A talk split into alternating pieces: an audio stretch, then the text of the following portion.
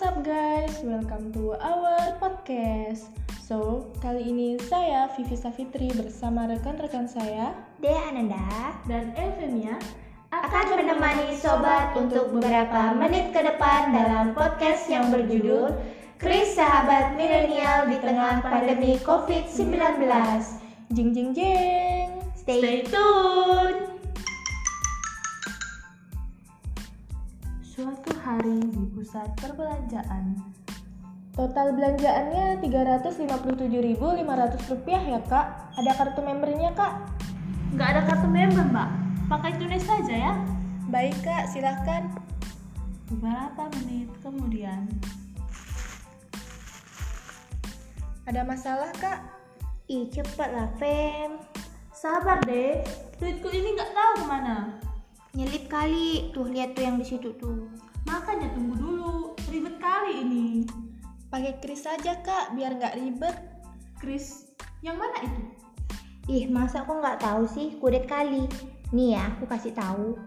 KRIS atau QR Code Indonesia Standar adalah standarisasi pembayaran menggunakan metode QR Code dari Bank Indonesia PEM di mana satu QR Code dapat dipindai oleh seluruh aplikasi yang menyediakan pembayaran QR Code. Ya udah Mbak, pakai punya saya aja. Kok bisa kan? Oh, tentu bisa kak. Kris itu memudahkan kita untuk bertransaksi dengan merchant yang sudah memiliki izin oleh penyelenggara jasa sistem pembayaran seperti OVO, GoPay, Dana, ShopeePay, dan masih banyak lagi.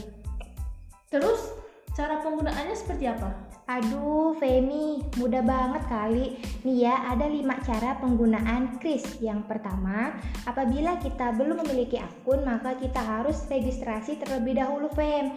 Dengan cara mengunduh aplikasi salah satu PJSP yang berizin KRIS seperti ShopeePay, Dana, OVO, GoPay, dan masih banyak lagi.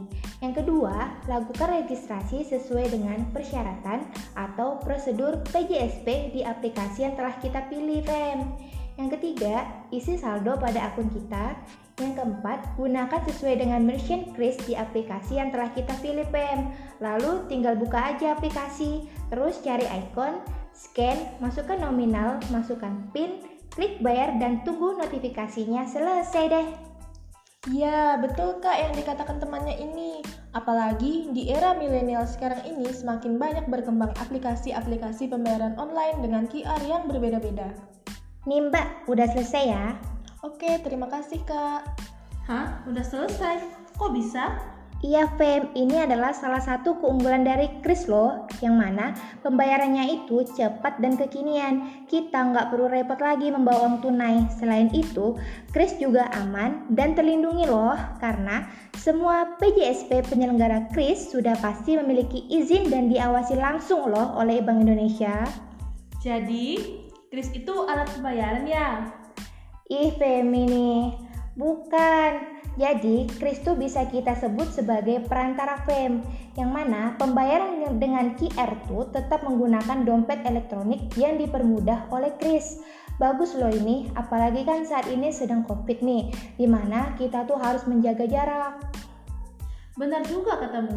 Jadi dengan kris ini kita bisa membantu pemerintah menerapkan kebijakan mengenai physical distancing kan? Nah, benar Fem. Apalagi kan sekarang makin modern nih. Teknologi semakin berkembang. Masa iya kita sebagai anak muda nggak update sih?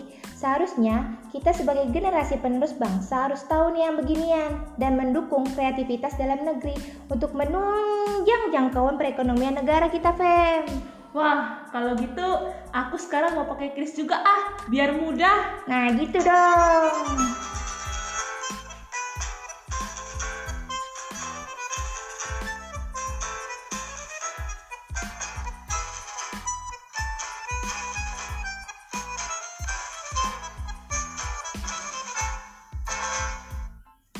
Nah sobat, udah paham kan tentang kris? Jadi buruan gih pakai kris biar gaul kayak kita. Dan yang pastinya lebih praktis loh. Untuk info lanjut, bisa sobat lihat langsung di website resmi Bank Indonesia. See you!